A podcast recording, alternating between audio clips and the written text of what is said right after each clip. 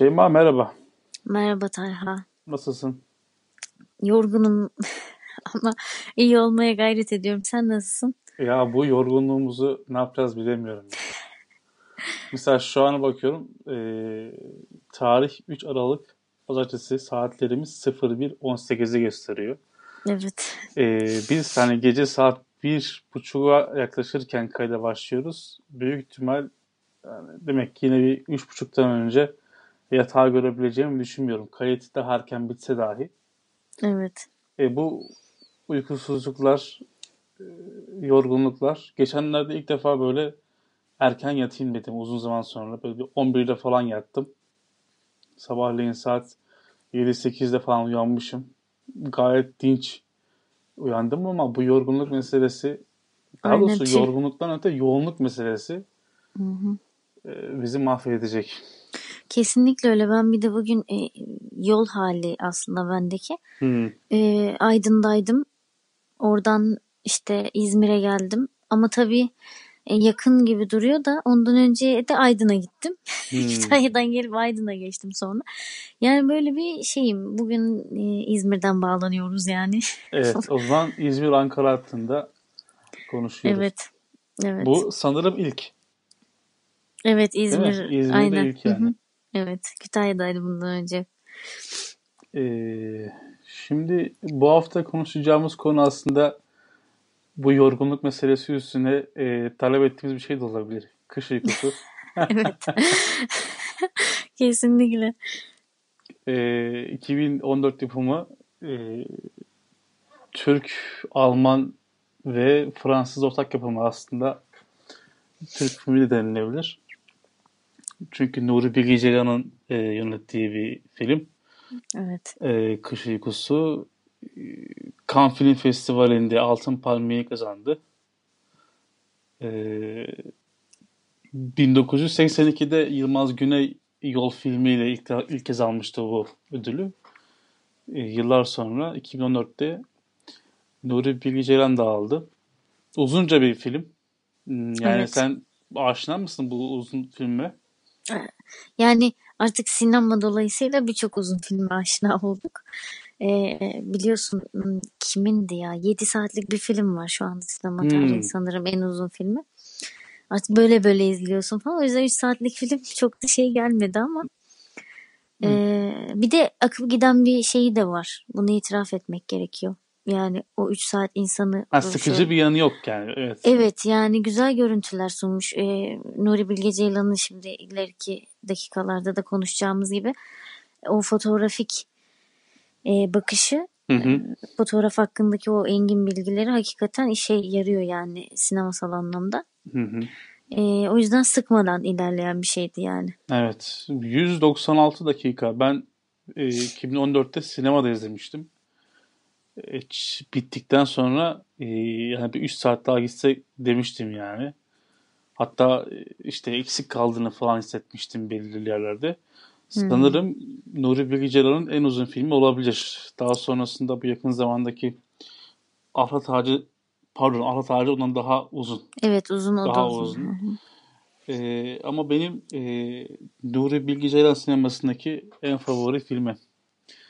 Ee, 2014'te işte sinemada izledikten sonra e, bu hafta konuşacağımız için bugün biraz bazı sahneleri biraz gözden geçirdim. Hı hı. Dilersen temel bir e, konu e, meselesine eğilelim. Ondan sonra e, spontan bir şekilde devam ederiz. Tabii. Tabii e, her film mevzusunda olduğu gibi e, konuşacağımız konular spoiler içerdiği için eğer bizi ilk, ilk kez dinleyenler varsa veyahut da e, sosyal medyadaki uyarılarımızı görmeyenler varsa konuşacağımız meseleler spoiler içerdiği için filmi izledikten sonra dinlemeleri tavsiye olunur. Kesinlikle. Bunu da belirtelim. Evet. Şimdi Aydın karakteri üzerine e, dönen bir film. Haluk Bilginer e, Hı hı. oynuyor ana e, başrolde. Demet Akbağ e, var. Necla karakteriyle. Onun kardeşi. E, Melisa Sözen var. Nihal ismiyle. O da e, Haluk Bilginer'in Aydın'ın e, eşi. Diğer karakterler biraz daha yan karaktere giriyor. Genelde bu üç kişi arasında dönen bir mevzu. Aydın dediğimiz e, karakter emekli bir oyuncu. Aktörlüğü bıraktıktan sonra İstanbul'dan e, bir taşraya e, dönüş söz konusu. E, Kapadokya'da. E, hayatında iki tane kadın var. E, birisi genç karısı işte Nihal ve e, kardeşi Necla. Kardeşi de boşanmış bir kadın. E, Aydın tiyatroculuktan emekli olduktan sonra babasından kalan mülkleri idare etmek için Kapadokya'daki otele yerleşiyor. Ee, Kapadokya otelde de Aydın işte oradaki insanlarla olan e, ilişkileri üzerinden kurulan bazı diyaloglar e, ve kendisine bakışımız e, ortaya çıkıyor. E, yan karakterlerinle yani e, erkek kadının da kardeşi ve eşinin de kendi içerisinde e, ayrı hikayeleri var. E, birkaç şey daha söylemekte fayda var sanırım bu giriş, giriş için. E, İsmail karakteri var. Necdet İşler oynuyor. E, onun temsil ettiği bazı kısımlar var. E, İmam karakterinde oynayan birisi vardı. Hamdi. İmam Hamdi. Hı hı. O ve özellikle Aydın arasındaki bir takım diyaloglar veyahut da Aydın'ın onun hakkındaki söylemleri, düşünceleri bizi bir başka noktaya bağlıyor. Ee, son olarak da sanırım şey söylenebilir. Ee, eşi Nihal e, ve etrafındaki birkaç gönüllünün hayır işleri meselesi üzerinden yürüttüğü e, orası da ciddi sohbetleri açık bir bambaşka bir konu var. Yani evet. e, çok uzun bir film fakat her bir karakterin kendi içerisinde bir hikayesi var. Her birinin birbirini etkileyen hikayeleri var. Temelde mesela sadece Aydın karakteri üzerinden yürüyormuş gibi gözüküyor ama e, yan karakterler dahil her birinin farklı bir hikayesi var. O yüzden konuşmak biraz zor olacak e, toparlamak belki biraz zor olacak e, diye düşünüyorum. Nereden başlayalım? Ne dersin? Güzel. Filmi anlatırken sen ben tekrar izledim. yani o zaman içerisinde. iyi şey yapmışım. iyi ifade etmişim yani. Evet güzel etmişim. aktardın bizim için. Ee, ben şöyle bir başlangıç yapabilirim. Çünkü birçok açıdan ele alabileceğimiz bir film ama e, yani bu filmde her e, karakter özenle işlenmiş gibi. Zaten bunu anlayabilelim diye de film uzun uzun bunların üzerinde durur. Diyaloglar da çok fazladır. Yani hı hı. diyaloglar o kadar fazladır ki hatta bir yerden sonra siz sahnenin içerisinde varmış gibi odayı falan incelemeye başlıyorsunuz. O şekilde yani. Aa şu hı hı. masa lambası da çok güzelmiş işte. Hmm, nereden evet. almış acaba falan gibi. Ondan sonra e, ilk düşündüğüm şey şuydu. Ben kışı, karı kışı ve bu e, sıcak renkleri çok seven bir insanım. Hı hı. İlk defa e, şömine, soba imgelerinin kışın hani hmm, ya da hani Nevşehir gibi mesela film içeriğini de gösterdikçe hı hı e, aslında köy yaşantısı yaşayan insanların ortasında bir yer orası. Hı hı. E, bu görüntülerin arasında ilk defa sobanın, e, şöminenin, o sıcaklığın e, birlikteliği simgelemediğini fark ettim. Yani nedir soba? Bir tek odada yakıldığı için. Hmm. Kaç kişisin? 5-6 kişisin. O odada oturursun. O odada oturduğun için tam olarak bireysel bir hayatın olmaz. Çünkü Oradan biri Aa, bu şu neydi ya falan diye söyler. Birden muhabbet başlar. Çocuk hani genç kolay kolay kendi hayatına şey yapamaz. Ee, sobanın yanında uyuklarsın ama daha çok birlikte olduğum bir ortam vardır. Yani en azından Hı-hı. benim sobalı yaşadığım dönemde böyleydi. Yani komünel bir yaşamı temsil eden bir nesne bu filmde tam tersi bir yönde evet. yani, E, dışarıda kar, soğuk var e, ve taş genelde taşın hakim olduğu bir memlekettesin. Hı hı. E, bunun tepesinde e, çok özenle kurulmuş yani doğanın harikası bir şeydi otelde orası. E, bu otelde e, şey aynı zamanda kişilerin bir yaşantısı var. Üç kişiyi önce bize sunuyor net olarak. Hı hı. Bu üç kişinin orada hep kendilerine ait odaları var. Kendilerine ait odalarında yanan şömineleri var ve kendilerine ait bir dünyaları var.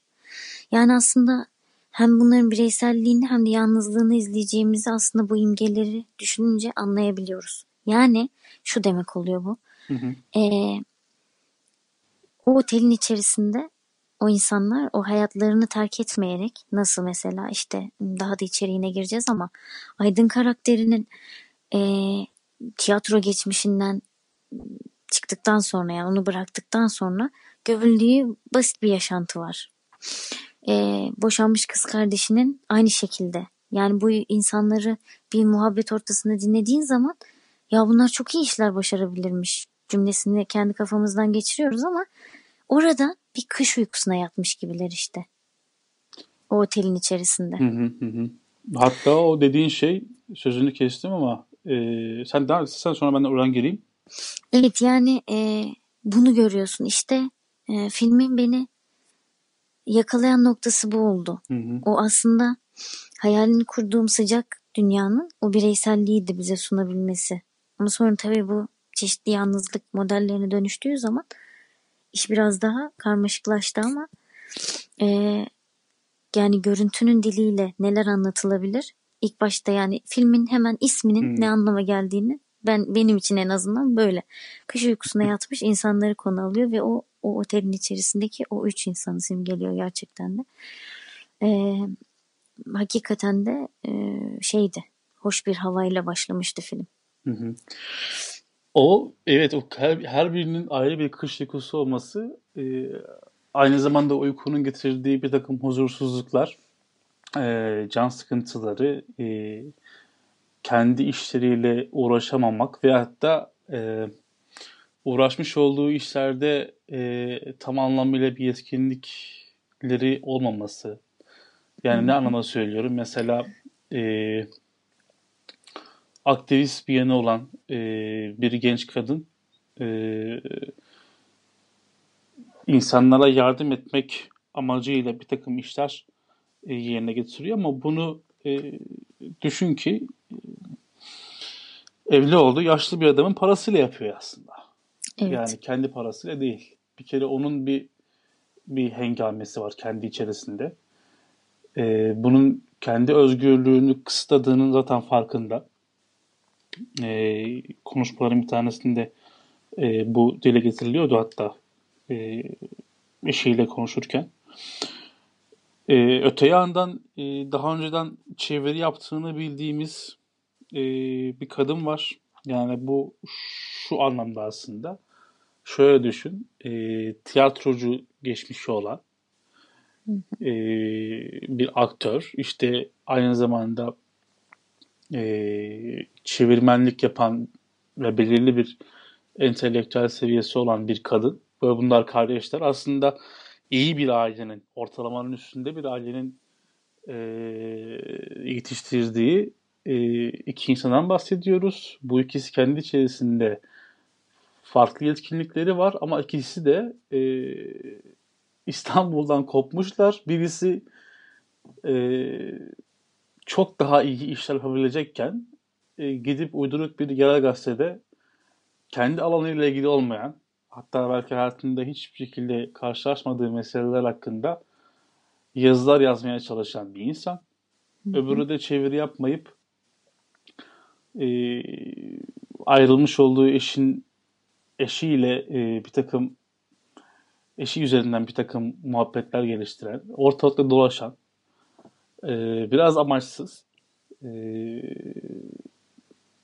rüzgarın savurduğu bir yaprak gibi e, dolaşan bir kadından bahsediyoruz. Aslında bunların her biri kendi içerisinde e, bambaşka işler yapabilecekken e, belki o Aydın karakterinin tembellik sorunu hepsine yansımış olabilir. Hepsi kendi içerisinde o kış ekosunu yaşıyor dediğin gibi. Ee, peki bu kış uykusu e, hangi noktalarda e, derinleşiyor diye sorabiliriz. Ben birkaç noktayı not almıştım. Bir tanesiyle başlayayım istersen. Oradan belki yorumlayabiliriz. Tabii. Ee, bu arada şey de söyleyeyim bir dipnot. Şimdi e, bu ödüllü film olduğu için ve Nuri Bilge Ceylan da ister istemez uluslararası çapta bir yönetmen olduğu için film üzerine o kadar fazla yazılmış yorum, metin, e, işte makale şusu busu var ki ben genelde hani e, yapmış olduğumuz programlardan önce bakarım piyasada ne var ne yok. E, hengamenin çok olduğunu bildiğim için iki yere başvurdum. Bir hakikaten e, fikrini önemsediğim bir yazar. E, Bülent Diken. Sen de biliyorsun onu. Evet. Bilimlerle Sosyoloji kitabı vardı. E, Metis yayınlarından çıkan. Hı hı. E, onun kendisi Lancaster Üniversitesi'nde sosyoloji bölümünde profesör. Onun e, kış uykusu sosyal bir topoloji olarak yokuş, yok oluş diye bir makalesi yayınlandı. E, bu Doğu Batı dergisinin sinema sayıları vardı ya. Evet. Hı. 4 serilik. Onların üçüncüsündeydi. Hatta kapaktaki fotoğraf da onun e, fotoğrafı. Filmin içeriğinden. Evet. Evet. Bir o makale çok bence şey geldi bana. E, ya direkt onu aradı gözüm. O yüzden bir onu okudum. Bir de e, asıl e, şey ne diyor? Yani yönetmen ne diyor? E, diye baktığımda bu alt yazı dergisi var. E, Hı hı. aylık sinema dergisi. Orada 3 e, diziden oluşan bir söyleşi yapılmış e, Nuri Bilge ile. E, onu okudum. Bu ikisi üzerinden işte biz sıkıştığımızda belki buralardan destek alarak mevzumuzu genişletiriz. O zaman ben de bir ekleme yapayım Bülent Hı hı. Diken demişken. Hı hı. E, Bülent Diken ve e, artı iki yazar daha e, Nuri Bilge Ceylan sineması Sineması. üzerine kitap çıkardılar Metis yayıncılıktan. Evet. Evet onu edinmiştim ve e, o bu arada sinema tutkusundaki makaleye ulaşmanına da çok sevindim. Çünkü İzmir'de olduğum için o dergilere el atamamıştım. Kapaktaki fotoğrafı hatırlayınca direkt yani şu an çok iyi oldu o kaynak bizim için. Şöyle e, ben de şu an o kitap yanımda bende. E, Doğu Batı'daki makale okuduktan sonra e, o Metis'in kitabına baktım. Aynı makale. Hı. Şöyle olmuş ama e, Bülent Diken bu makaleyi nerede yazdı bilmiyoruz. 2015'te Doğu Batı e, talep ediyor. E, bir çevirmen çeviriyor ve Doğu Batı'nın sinema sayısında yayınlanıyor. Daha sonrasında aynı makaleyi 2018'de büyük ihtimal yine izinle e, bu kitaba koyuyorlar. E, onu da tabii başka bir e, kişi çeviriyor. Aslında aynı makale orada da var. O kitaptaki kış uykusu hakkında e, ki makale e, benim Doğu Batı'da okuduğum makaleler aynı. Sadece çevirmen Hmm. farkı var. E, tabii Nuri Bilge Ceylan sineması hakkında daha kapsamlı çalışma o elimizdeki o kitap. Yani çünkü Evet. bütün e, filmlerini e, hatta şöyle söyleyeyim hardcore akademik seviyede alabilmiş e, yazarlar. Beni biraz aştığı için o kadar e, detaylı şey ilgilenmediğim için çok sinema meselesiyle dikkate almadım ama iyi bir kaynak orası da. Onu da söylemiş Evet. oldun iyi oldu. Şimdi şey meselesi var. Şimdi filmin başından sonuna kadar bir para meselesi var. Yani şey var. O para meselesi eee, para, borç meselesi bir farklı bir toplumsallık yaratıyor gibi. Yani ilişkilere yön veren bir şey. Şeyi hatırla. Filmin en başından itibaren hani bir çocuğun eee arabanın camına taş atmasıyla başlayan bir süreç var. Hı hı. Ve filmin sonlarında paraların yakılması gibi bir e, meseleye geliyor. Hep, hep bir para meselesi arkadan gidiyor. E, biz şunu görüyoruz. E, Aydın karakteri e, kira toplamak için kaba güç kullanmaya hazır bir karakter. Yani e, tabii bunu tek başına yapmıyor. Hatta kendisi sanki hiç oralı değilmiş gibi bir şey var. Tam tersine bunu yaptırdığı kişiler var. İşte yani Hidayet diye bir yanında yardımcısı var. Şoförü, işte ayak işlerine bakan bir adam. Aynı zamanda avukatı var. Hiç görmüyoruz ama avukatı var. Ee, Aydın'ın kötü bir insan olduğunu söylemiyoruz ama e, Hidayet'in varlığı, avukatlarının varlığı, işte kirayı toplamak için böyle aile üzerinde bir takım e, üstü kapalı bazı metinler, işte bazı söylemler dile getirmek. Aydın'ın işte e, İsmail karakteriyle karşı karşıya geldiğindeki bir takım işte duruşları, hatta hiç hiç seslenmese bile bazı bakışları o tepeden bakma meselesi var ya. Hı hı. E, bize para üzerinden ya da sermaye üzerinden, güç üzerinden e,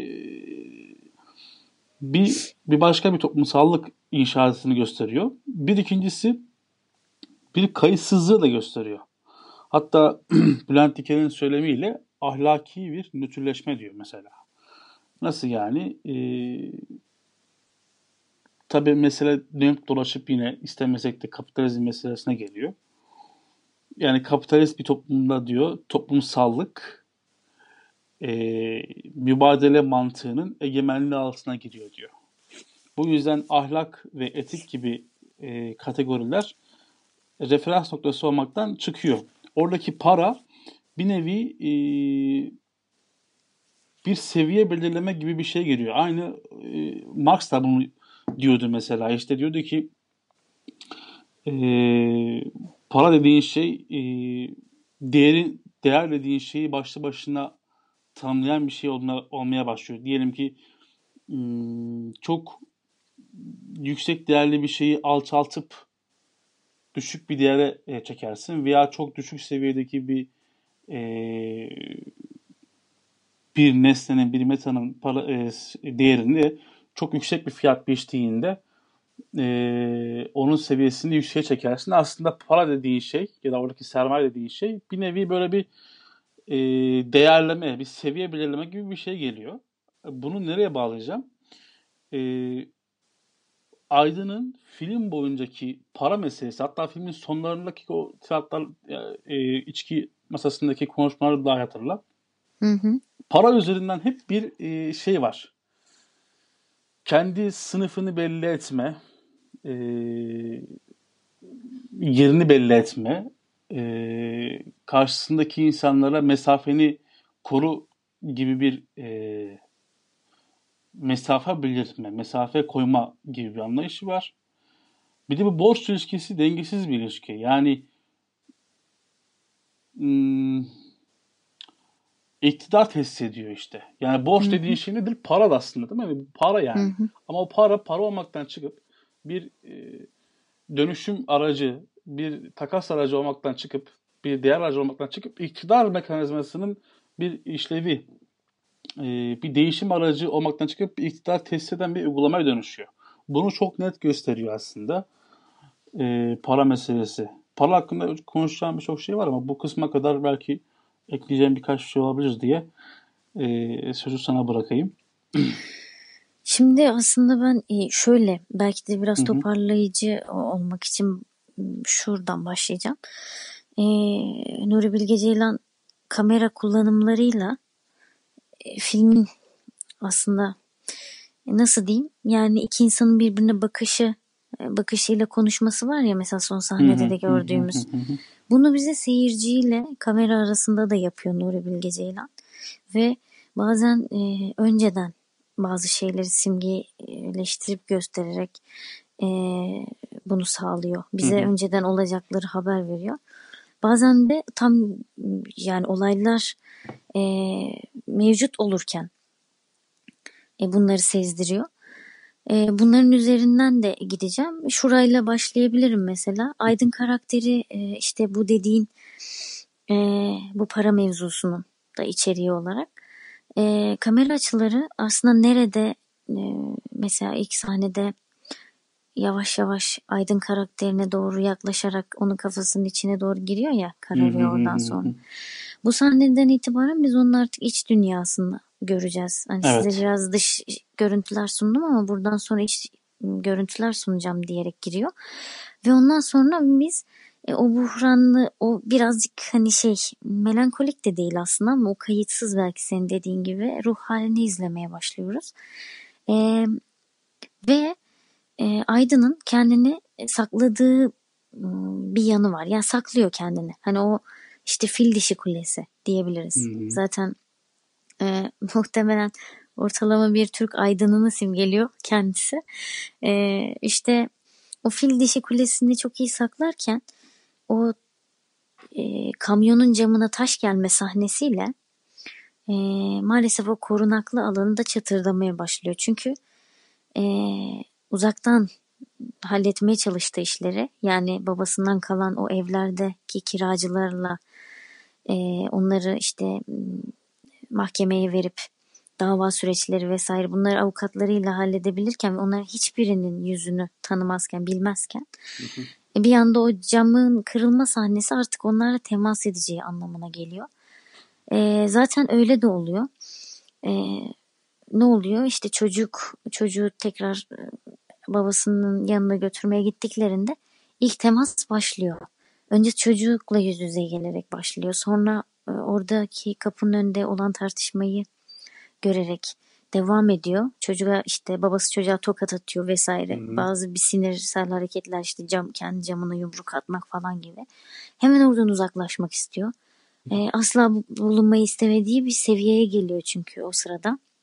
Bu onu ürkütüyor. Daha sonra e, imam olan diğer kardeşle işte karşılaşması, imamın Hı-hı. onunla görüşmeye çalışması ve orada bir açıklama yapma ihtiyacı hissediyor hatırlarsan.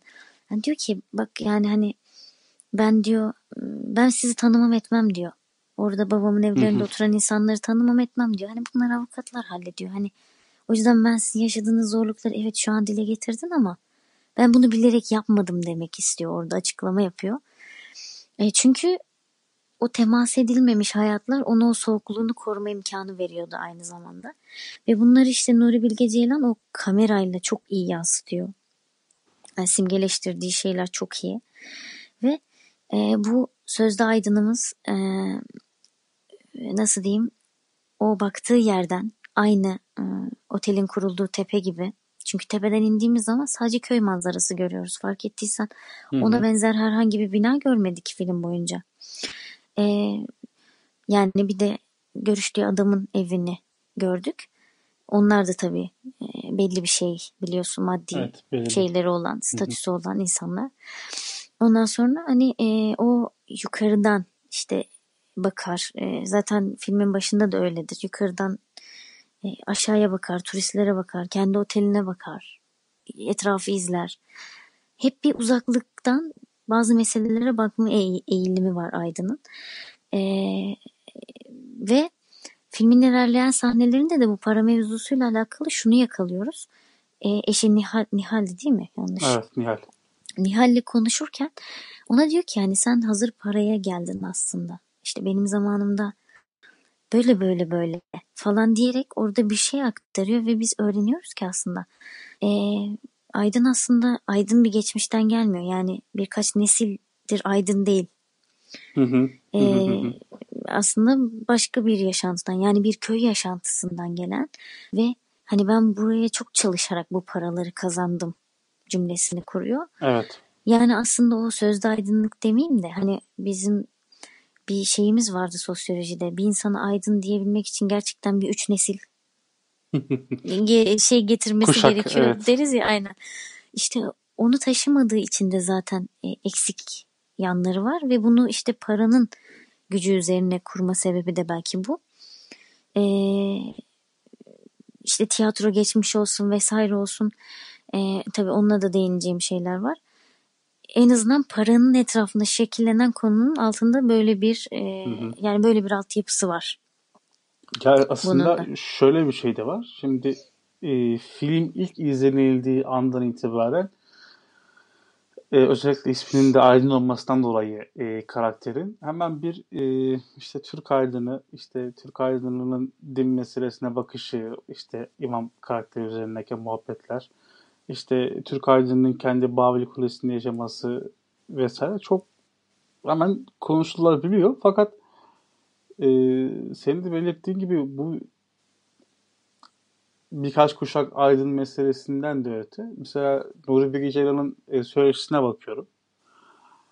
O mesela Aydın ismini koymaktan pişman olmuş çok sonrasında. Ama e, hatta işte şey diyor yani Aydın karakterine bir Aydın olarak bak bakmak istemiyorum diyor aslında. Diyor. Buna pişman oldum diyor. Çünkü diyor o zaman diyor o karakter diyor üzerinden hemen Aydın meselesini indirgeniyor diyor. Öyle Ama değil da diyor yani. ama bunu net olarak da yansıtmış yani bunu reddedemez ki. Yok öyle değil diyor adam. Alenen söylüyor. O zaman öyle işlemeyecekti. Demek ki bilinçaltı bunu böyle işletmiş kusura bakmasın. Yani Ya çünkü işte e, şimdi bunu işletmiş demenin e, şimdi mesela burada Nuri Bilge Ceylan'la konuşacak değilim ama okuduklarımdan yola çıkarak söylüyorum mesela. E, Aydın da aslında hepimiz gibi iyi ve kötü tarafları olan bir insan. tabii E, ki. yani aydınlar da bir kalıptan çıkmış birbirine benzeyen homojen yaratıklar değiller. E, İşte birisine bir özelliği yüzünden sinir olursun, bir başka özelliği yüzünden hayranlık duyarsın. Bu bende de var, sende de var, onda da var. Evet. Aslında bence orada ifade etmek istediği şey şu. Ee, hatta o cümleyi şu an kendisinden okuyayım. Ee, biz tüm karmaşıklığıyla bir insan yaratmak istedik diyor. Ee, Ebru da, bu arada eşi, senaryoyu birlikte yazdığı eşi. Ebru da ben de hiçbir zaman karakterin her söylediği ya da yapıp ettikleri belli bir aydın tipolojisini desteklesin, bu şablona hizmet etsin gibi bir düşünce içinde olmadık. Hatta bu teoriyi desteklemeyecek bir özelliği aklıma geldiğinde onu senaryoya katmaktan daha büyük bir haz duyarım. Peki bu, bu durumda bir karakteri keyfilikten ve rastgelelikten kurtaracak şey ne denir? E, ne kurtaracak diye sorulabilir. Bu da yaratıcının sezgileri e, dir diye cevap veriyor kendisi. Öyle olmak hı. zorunda diyor. Asla bilgi değildir diyor. Hı hı. Ve e, Aydın karakterinde sinir olduğumuz, eleştirdiğimiz bir yığın e, mesele olsa da temelde onun tamamen bizden biri olduğunu bence e, söylemek istiyor. Ha, bu bizim Türk aydınının belli noktalarda e, karşılığı var mı? Var ama mesela aydın meselesinden de öte. Diyelim ki bugün bir imamın şey filmdeki sahneleri düşün mesela. Aydın'ın imama karşı olan bakışını e, çok vasat bir insan da bugün dile getirebiliyor. Hatta 2014 Türkiye'sinde de dile getirebiliyordu. E,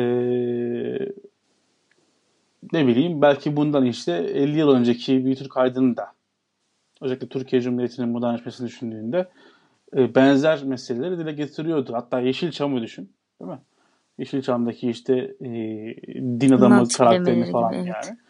Ama bu mutlak manada hani sadece tabii ki bu değil ama mutlak manada bir aydın karakteri evet ilk başta işte o diyorsun ama yönetmenin di- dile getirdiği şeyleri okuduktan sonra işler biraz değişiyor. Çünkü şu da var. Herkes çok farklı noktadan bakabiliyor. Bu da bizim e, aslında şeyimizi gösteriyor. Ben bu meseleyi nereden okudum derken e, ben mesela Aydın karakterini çok eşleştiriyorum kendimle. Her noktada belki. Yani itiraflarım, hatalarım, geri geldiğinde tepeden bakmalarım, ne bileyim e, yersiz e, keyfilerim, keyfiyetlerim, e, düşüncelerim vesaire vesaire hat, eğrisi, eğrisiyle doğrusuyla, sevabı ve günahıyla kendime çok net e, yakıştırdığım ve e, benzettiğim bir karakter. E, fakat şu var işte e, herkes kendi noktasından bakıyor ya kendi noktasından baktığında işte kendi e, temaslarını buluyor filmde. Yani diyelim ki birisi bir, bir imam bunu izleseydi bu filmi izleseydi büyük ihtimal oradaki imam karakterinin gözünden ayrı bir yorumla e, filmi yorumlayacaktı. Bir bakışla yorumlayacaktı. E, o yüzden e, şey mutlak manada bence yönetmenin sözüne de sadık kalarak diye düşünüyorum. Ya zaten aslında Aydın karakteri, yani Türk Aydın'ı budur tarzı bir yorum hayır hayır aslında yani. şöyle şöyle diyorum yani. Ortalama bir Türk aydınını e, temsil edebilir ama yani temsil edebilir derken işte bu özellikleri.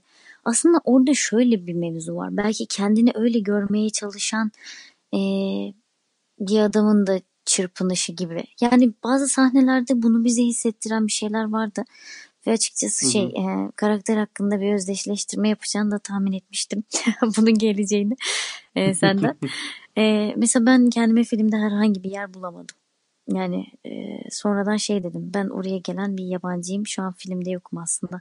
E, bu da şaşırtıcı odalardan değil birinde benim kalıyorum. açımdan. odalardan birinde kalıyorum ve yokum orada aslında diye.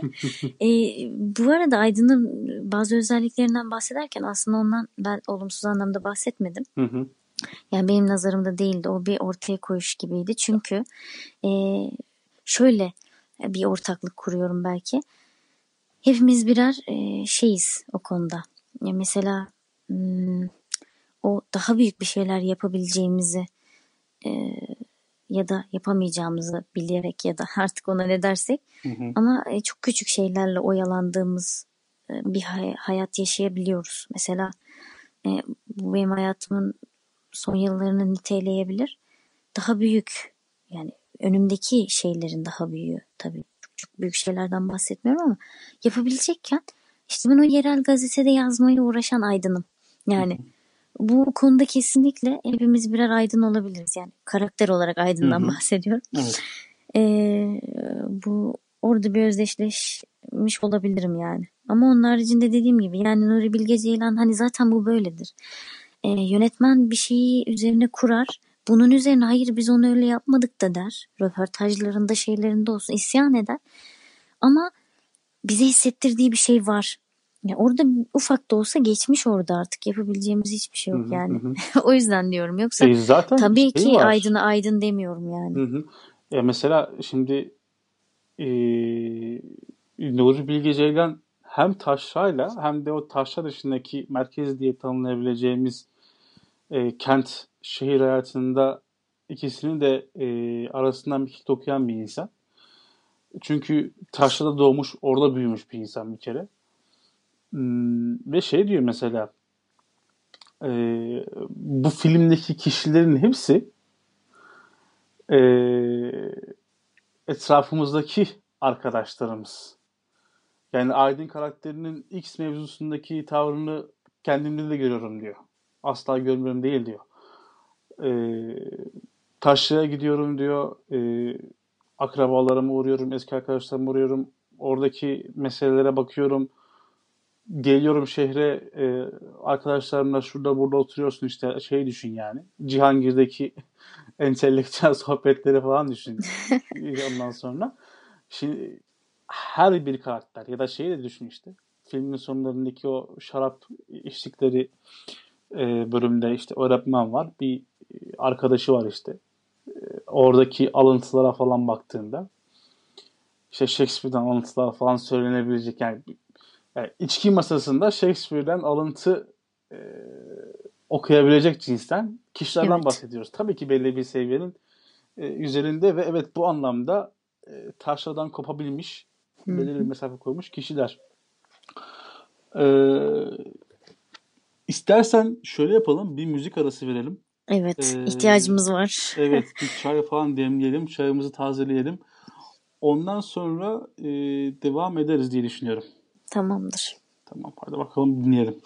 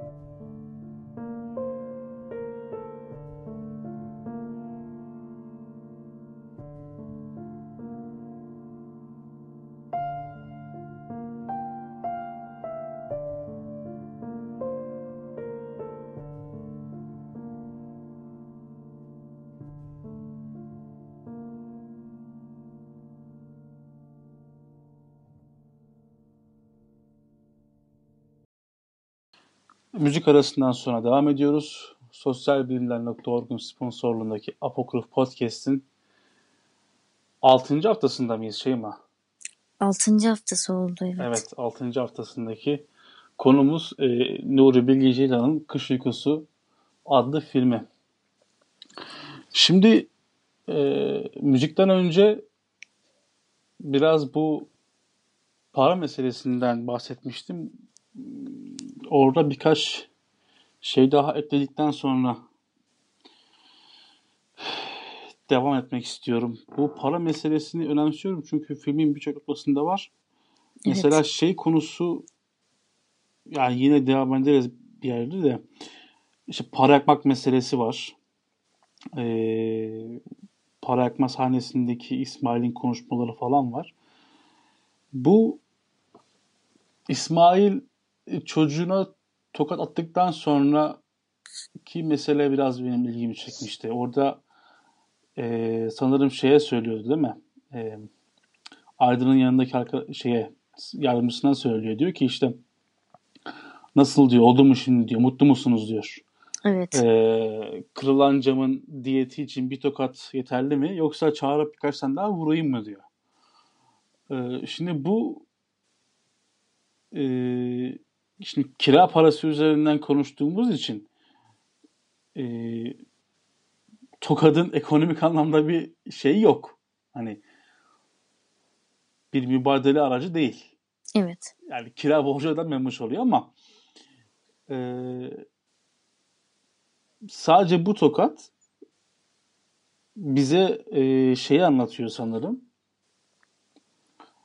E, metalaşmış bir toplumsal ilişki olduğunu söylüyor. Yani sembolik güçler ilerliyor. Bu sembolik güçler işte şey, o borç ilişkisi dediğim şey, o iktidar meselesi, güç ilişkisi. Yani şey de aslında e, çaresizliğinden güç ilişkisini kuruyor kendi çocuğuyla İsmail. Hı hı. E, içinde bulmuş olduğu sınıfsal mesele var ya hatta para yakma meselesini de e, buradan belki bağlayabilirim. Şimdi e, filmin sonlarına doğru Nihal e, bağış amacıyla e, eve gidiyor. İsmail'in evine gidiyor. Normalde İsmail'le karşılaşacağını bilmiyor ama e, onun kardeşi İmam'la e, konuşacak. E, para meselesi ortaya çıkıyor ve İsmail bir anda sahneye çıkıyor ve diyor ki burada mıydın falan. Bakıyor paraya diyor bu çok fazla para diyor tamam mı? Yani ondan sonra tabi orada Hamdi biraz korkuyor falan utanıyor. E şey de aşina olmadığı bir ortam. Nihal de aşina olmadığı bir ortam. İlk defa evet. öyle ortamlara giriyor. İsmail başlıyor diyor ki e, bakalım diyor hesabımız doğru mu diyor. İşte diyor şu kadar para diyor mesela. E, babasının kırılan gururunu onarmak için. E, işte şu kadar para canını ortaya koyan küçük İlyas için. Bu kadar para tek başına e, beş kişiye bakmak zorunda olan e, fedakar İmam Hamdi için. E, şu kadarı oğlunun önüne dayak yiyip kendini ve ailesini rezil eden sarhoş baba İsmail için. Hı hı. E, geriye biraz daha kalıyor diyor para diyor. Bu da kendinden daha düşkün insanlara sadaka dağıtarak vicdanını rahatlatmaya çalışan kahraman hanımefendi Nihal Hanım için olsa diyor bu mesela e, en vurucu sahnelerden bir tanesi.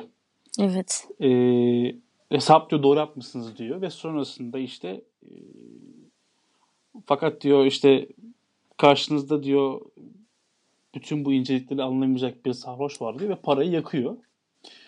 Şimdi şey ilginç Nihal'in hayır işlerine yüklemiş olduğu anlam sanırım ilk kez sorgulanıyor orada pardon ikinci kez sorguluyorum. Çünkü bir öncesinde eşiyle konuştuğu bir e, sahne var. Yine o gömleğinin olduğu yerde. Hatta orada sessiz kalıyor. Ve ilk kez düşünüyor. İkinci kez ve son kez burada sorgulanıyor.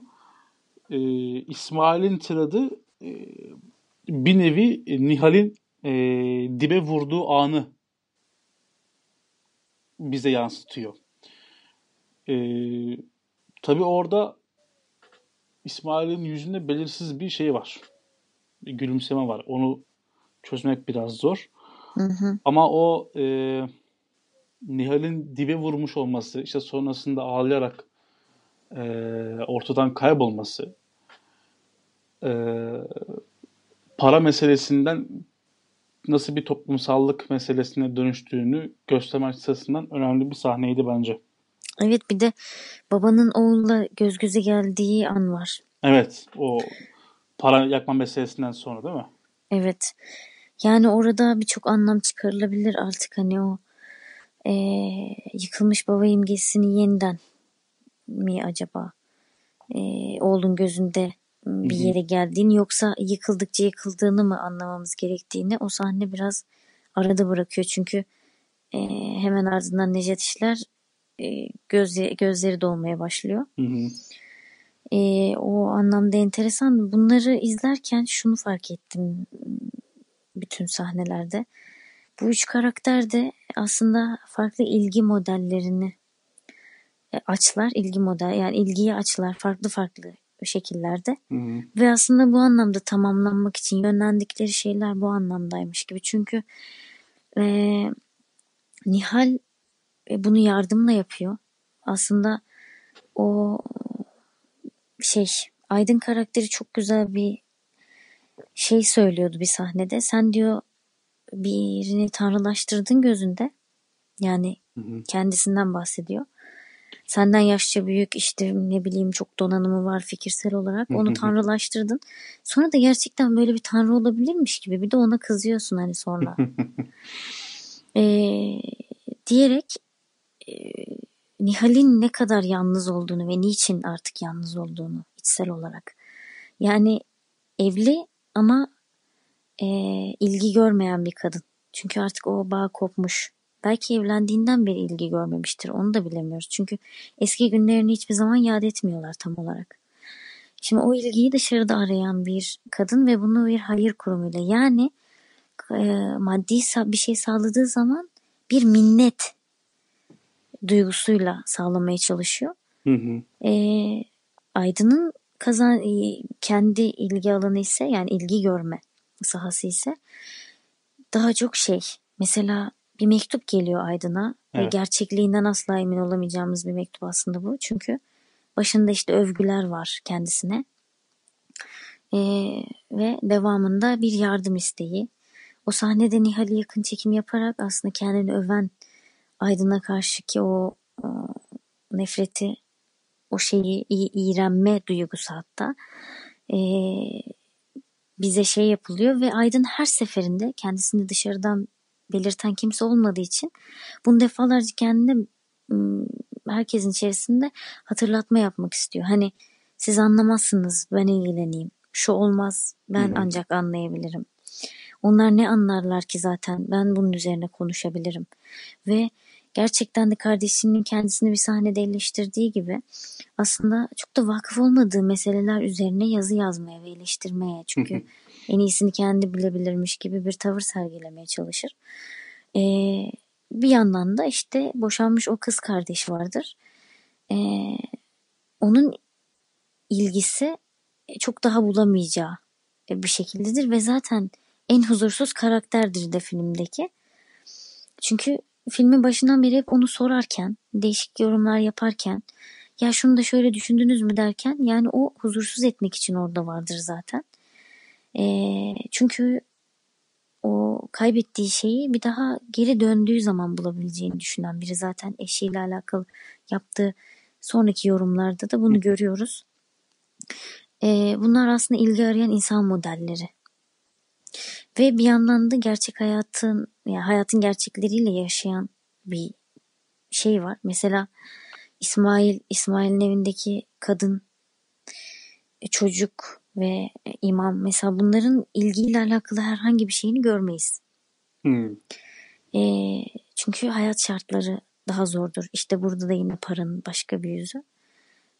Paraya sahip olanların meseleleriyle olmayanların meseleleri arasındaki ayrımı da Hmm. görüyoruz. Aynı şekilde. Evet orası ilginç bir nokta. Yani aslında şey var diyorsun. Ya belki film gibi de o şekilde ama paraya sahip olanların ve de belirli bir konforu olanların aslında öyküsü var.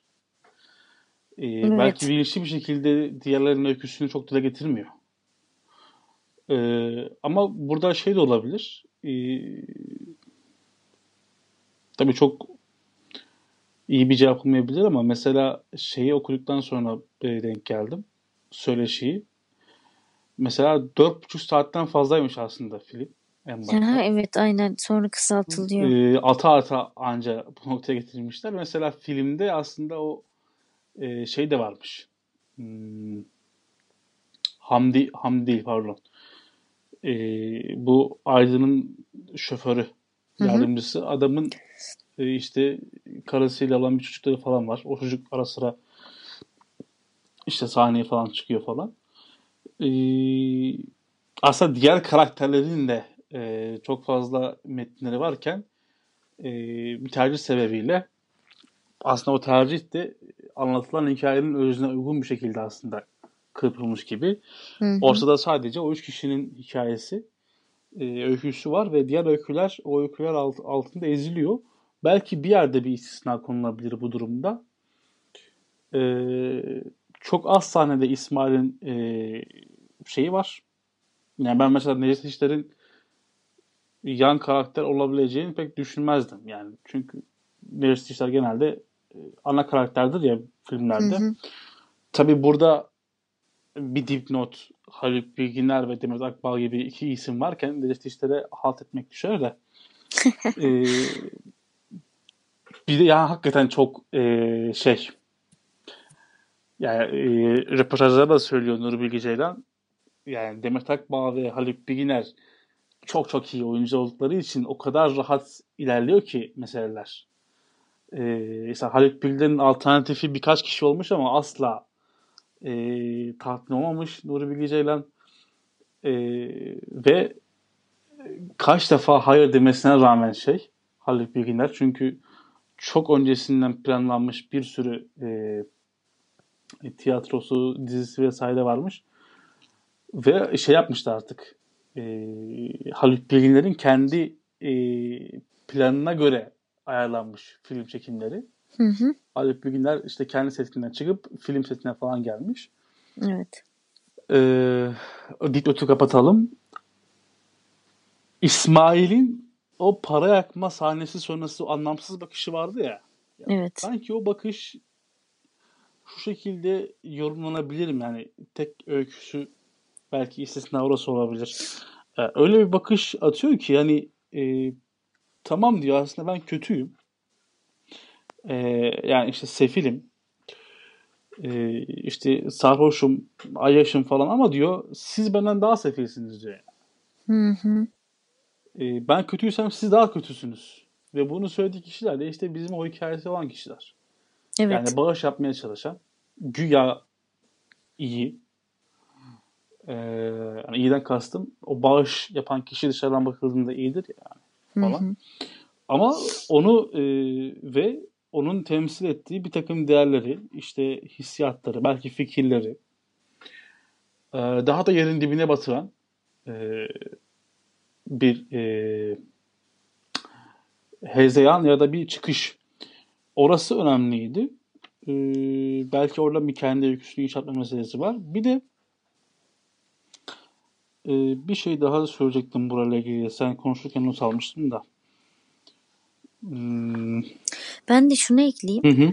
Heh. Ee, aslında hani dedik ya parası olanların hikayesi. Hı hı.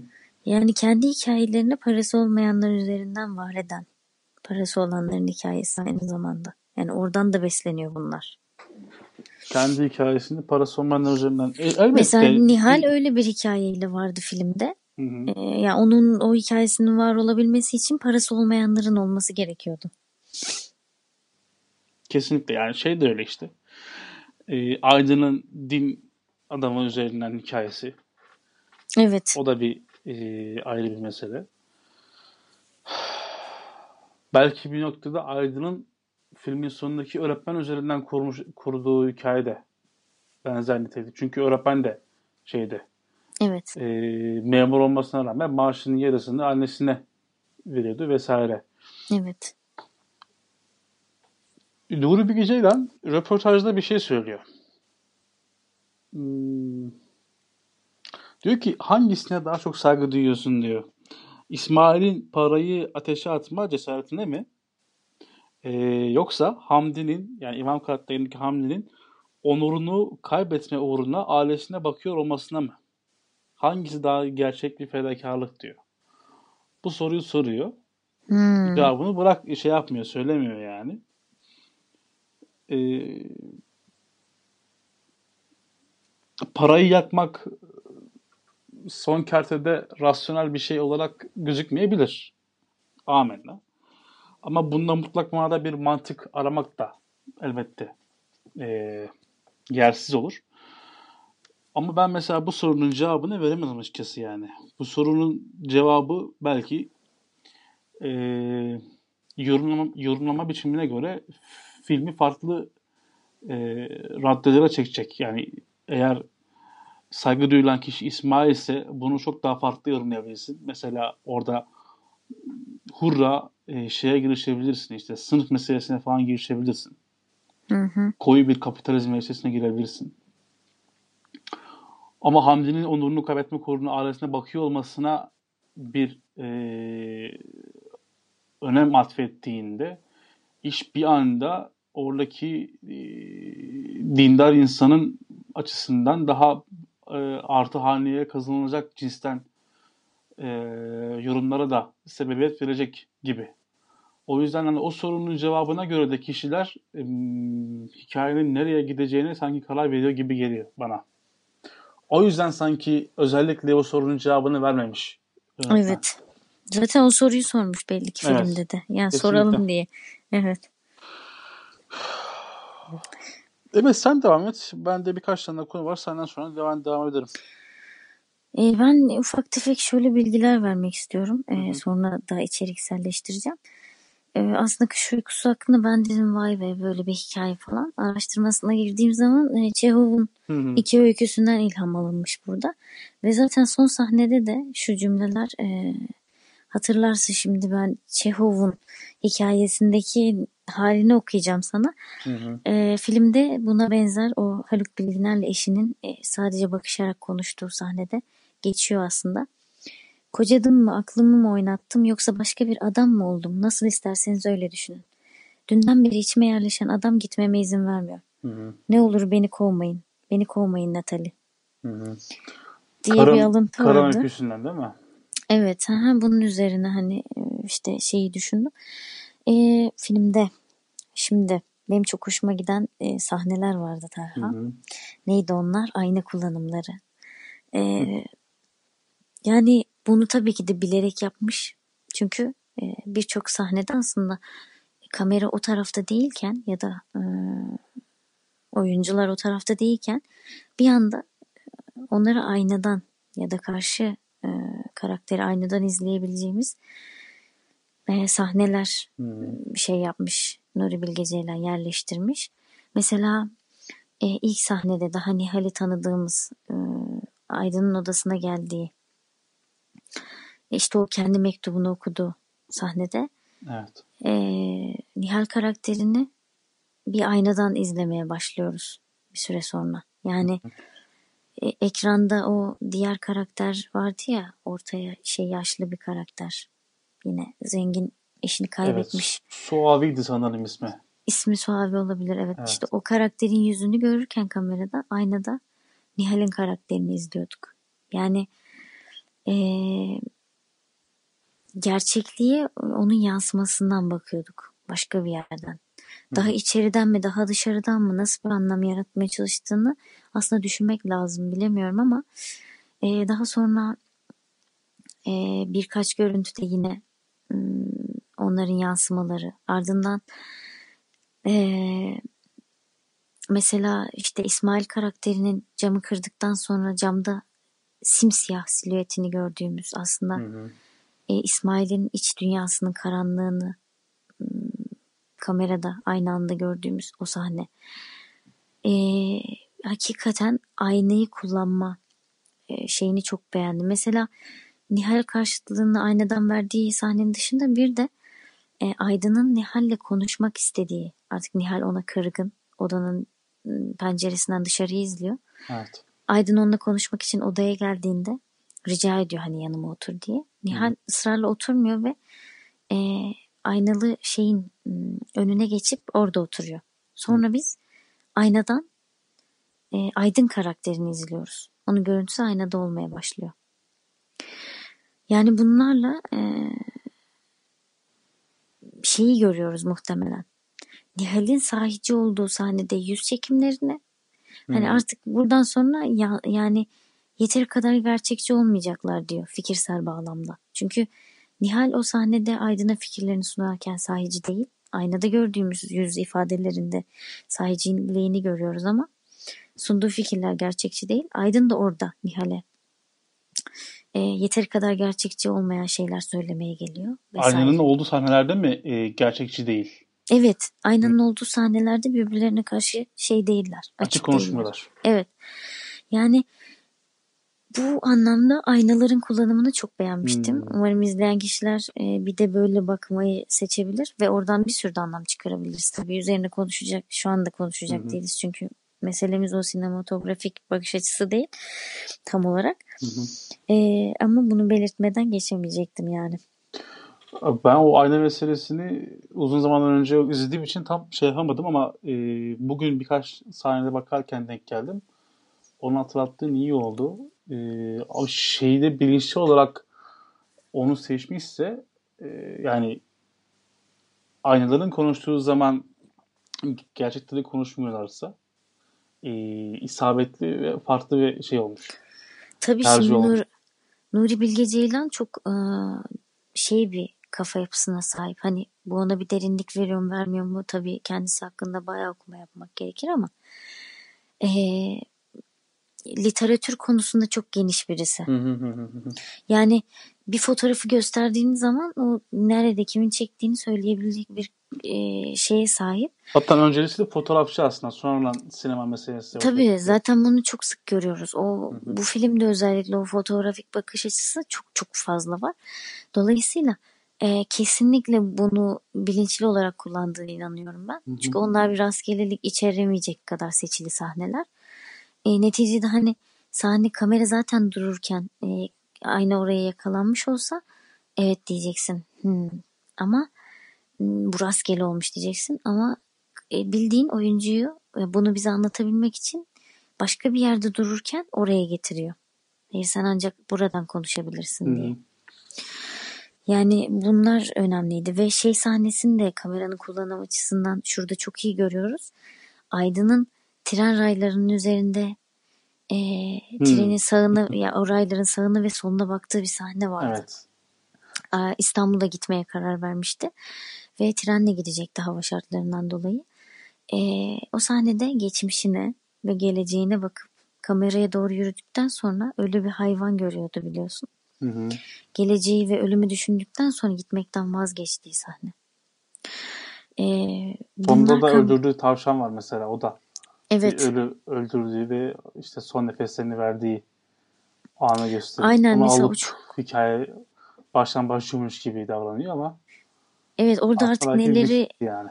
neleri öldürdüğü çok önemli mesela Hı-hı. o tavşanla. Çünkü e, aslında herkes birbirini yıkıyor fark ettiysen filmin ortalarından itibaren. Yani Necla Necla'ydı yanlış hatırlamıyorsam. Hı-hı. Nihal birbirlerini yıkıyorlar. Yani aslında Nihal ona pat diye yüzüne karşı gerçekleri söylüyor. Ee, Necla aynı şeyi bir de Aydın'dan yaşıyor. Aydın'a karşı hani Aydın'ı yıkmaya çalışırken ve Necla'nın yıkımı gerçekten e, büyük bir yıkım oluyor. Çünkü onu bir daha görmüyoruz. Evet Ar- o dediğin gibi herkesin birbirini yıktığı ama sonun muğlak olduğu bir şey. Şöyle muğlaklık belki ortadan kalkıyor. Aydın aslında odasını da çok iyi incele yani çünkü o duran sahneler odasını incelememize imkan tanıyor. Hı-hı. Bir tiyatrocu ama Türk tiyatrosunu e, sanki benimsememiş bir tiyatrocu çünkü Hı-hı. odasındaki afişlerin hepsi e, yabancı e, şeylere ait ve tiyatrolara isimlerine ait ve zaten otelin ismi de öyle. Bildiğim Hı-hı. kadarıyla Shakespeare'in de Yanlış hatırlamıyorum umarım. E, yani ama yazmayı düşündüğü kitap e, Türk tiyatrosu. Mesela e, ama bir türlü ona adım atmıyor. İşin zorluğundan dolayı değil. Başka bir şey var onların altında. İşte filmin son sahnesinde o başlığı görebiliyoruz bilgisayarla yazmaya başladı. Yani Ama o bizi kandırması olabilir. Yani ben Tabii canım artık biz devamını izlemiyoruz. Dışarıda kar yağmaya şey... devam ediyor ve biz oradan uzaklaşıyoruz artık. Hı hı, hı. Ama şundan dolayı söylüyorum.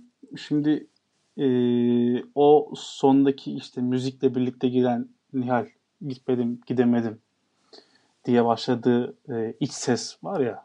Hı hı. O iç sesin e, Nihal'e söylendiği mi, yazıldığı mı, işte karşısına geçip konuşulduğu mu bilmiyoruz. Özellikle bunun ne olduğu konusunda açık bırakıyor kapıyı. Hı, Belki evet. çünkü orada bir nasıl diyeyim bir sinsi bir gülümseme de var. O Türk tiyatrosunu başlığını yazmadan önce o bir çayını son kez bir yudumluyor. Ee, sonrasında onu yazıyor. O sanki işte açık kapı bırakmaz meselesi. Biz o sondaki o şiirin ya da işte metnin e, beni affet diye bitirdiği metnin e, söylenip söylenmediğini bilmediğimiz için e, şeye yorumlayabiliyoruz mesela işte. Türk tiyatrosuna başladığı için evet hani beni affet dedi. Üzerindeki bir takım yükleri e, bıraktı işte çünkü devam edebilmesi için o yükleri bırakması gerekiyordu. İşte gururunu ayaklar altına alması gerekiyordu.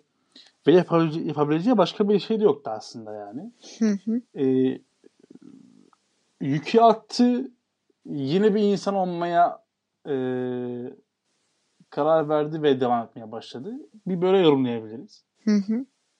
Bir de bütün o e, inatçılığı, bütün o kendi bilmişliği, e, kendi kurduğu hayatında kendi yaşayan, yine Babel Kulesi'nde olan ama o hayatın devam edebilmesi için bir takım e, özverilerde bulunmak zorunda kalan e, bir insan da olabilir. Aslında özveride bulunmasının tek sebebi o hayatın devam edebilmesi için. Yani evet. Böyle yorumlayabilirdik. Hı hı. O yüzden hani o final sahnesi e, özellikle ben şeyden sonra da baktım. E, yani yönetmen ne demiş bu mevzuda diye. O da aynı genelde söylüyor. Ama. Son sahne diyor yani şey değil diyor. Hmm, özellikle Net açık bıraktık diyor. Net değil yani. Evet. Demek ki benim umudum bu yönde. evet. herkesin kendini yıkmış olmasını umut ediyorum. Ama, ama... şey yıkma konusu kesinlikle haklısın. Evet. Ee, bütün herkesin yıkılıp eğer yeniden bir inşa varsa Aydın ya tek başına devam edecek ya da yine bir Aydın olarak devam edecek. Ama yıkım konusunda haklısın yani. Zaten orada şöyle bir şey de var. Hani e, Nihal gibi bir karakterin niçin e, terk edip gitmeyeceğini de asla anlayamıyoruz. Ben anlayamıyorum yani. E, evet paraya mı bağlılık? Çünkü sevgisinin azalmış olduğunu, hani bitmiş olmak iddiadır ama e, görebiliyoruz. E, bir alışkanlık mı var ortada? Ama en azından son sahnede pencereden dışarıya bakarken adamın paralarını yanmış olmasının pişmanlığından dolayı kalabileceğini bile düşündüm yani. Hmm. Orada bir günah çıkarma gibi yani. Ee, ama o kış uykusu işte devam edecek de diyebilir. İsmi bu çünkü filmin. Kış uykusu ama biz Nihal'i zaten film boyunca e, farklı bir mesele üzerinden çok nadir görüyoruz. Yani Nihal eşittir e, bağış ve para. Hatta şöyle evet. söyleyeyim. Nihal eşittir e, tanrılaştırdığı ihtiyar bir adamın daha sonrasında tanrı olmadığını fark eden ama hala parasını bir şekilde e, onun parasıyla bağış yaparak kendisini gerçekleştiren, kendi varlığını sürdüren bir kadın olarak gördüğümüz için hı hı. mesela bunun dışında hatta şimdi biraz da sanırım oraya getirmek isteyeceğim. Şeyi hatırla e, iki yerde hmm, bir e, Nihal e, Aydın ve Necla kahvaltı masasında oturuyorlar. Orada evet. bir tartışma var. Bir oraya geleceğim. Bir de e, Nihal ile Necla karşılıklı e, Necla'nın eşi üzerinden bir meseleye girişiyorlar. İki yerde aslında Nihal'in açıkça bir farklı konularda bir şey söylediğini görüyorsun.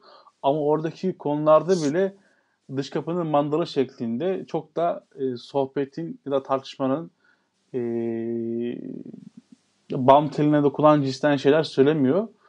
E, o anlamda sanki Nuri Bilge şey yapmış gibi yani.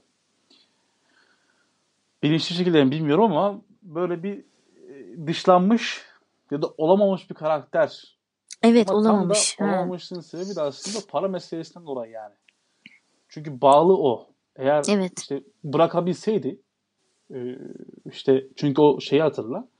İsmail'in e, parayı yaktıktan sonraki dibe çöktüğü anları hatırla. Hı O sorgulandığı anı hatırla. O zamana kadar hayatındaki tek şey e, gönüllü bağış meselesi ve o bağışı adam bir tanesi çıkıp diyor ki e, işte tepeden bakarak kendini tatmin etmeye çalışan ve etrafındaki fakirlere sadaka dağıtan bir kadın diyor ve orada bitiyorsun. E, o kadın evet hakikaten öyleymiş demek ki o yüzden bir farklılık yaratamıyor, bir e, sıçrama göstermiyor ve o adamın yanında öyle ya da böyle yaşamaya devam edecek yani. Yine Evet. özgürlüğünden alıkonulmuş bir şekilde. Evet. Ee, şimdi az önce söylemiştim. O sahne bence fena değildi. Orası hakkında ne düşünürsün bilmiyorum. Bu kahvaltı sahnesi. Evet. Şimdi hmm, o sahnede şey meselesi konuşuluyor. Kahvaltıdan önce bir kötülük meselesi açılıyor birkaç gün öncesinde ama bir gün, bir gün sonra asıl sohbet etme imkanı bulunduğu yerde kahvaltıda e, Necla diyor ki e, bana yine de kötülükle savaşırken kendimizi kandırıyormuşuz gibi geliyor. Kötülüğe karşı güç kullanmak yerine neden tam tersini yapmıyoruz? Mesela bir tablonun çalınmasını istemiyorsan belki onu kendi elinle hırsıza teslim etmen daha iyi bir şeydir. Belki daha iyi bir çözümdür. Ee, burada iki türlü şeye geliyor hatta şimdi ona tartışıyorlar e, kardeşiyle birlikte. Kötünün kötülük yapmasına mı destek olmak lazım? Yani Aydın'ın bakışına baktığında. Ya da e, Necla'nın bakışına bakarsan da kötülük yapmanı karşısında kayıtsız kalmak mı lazım? Şimdi kötülük yapana kayıtsız kaldığında Necla'nın derdi şu. Eğer ben bana kötülük yapan bir insana karşı kayıtsız kalırsam adam vicdana gelir. Bir de kadın vicdana gelir. Karşıdaki kişi her kimse. Vicdana gelir ve kendisini suçlu hisseder. Ee, ve ben onu durdurmuş olurum. Yani ama bu durdurmak mutlak manada yapılacak bir şey değil. Yani mutlaka durdurursun diye bir şey yok. Ama o ihtimal kıymetli bir ihtimal diyor ve hatta bunu kocası üzerinden de bir sonraki e, Nihal'le konuşmasında da görüyorsun. Orada mesela diyor ki bizim diyor işte ayrıldığımız eşim diyor işte hala diyor e, içiyormuş diyor falan. E, ayrıldığımızdan beri daha çok içmeye başlamış. Bazen diyor ayrılmak ikimiz için de diyor kötü bir şey daha mı kötü oldu diye düşünmeden edemiyorum kendime diyor. Ve orada mesela diyor ki acaba diyor ben diyor e, işte eşimin diyor bana yaptığı bütün o kötülüklere kayıtsız dursaydım, direnmeseydim, mesela boşanmasaydım diyor, onun kötülüğüyle yüzleşmesini sağlayabilseydim diyor, daha farklı mı olurdu diye acaba? Bunu düşünüyor mesela kadın. Bu mesele önemli. Hı hı. Hmm, Kötülüğe karşı koymamak meselesi hakkında ne, ne düşünüyorsun? Bir onu öğrenmek isterim. Bir de e,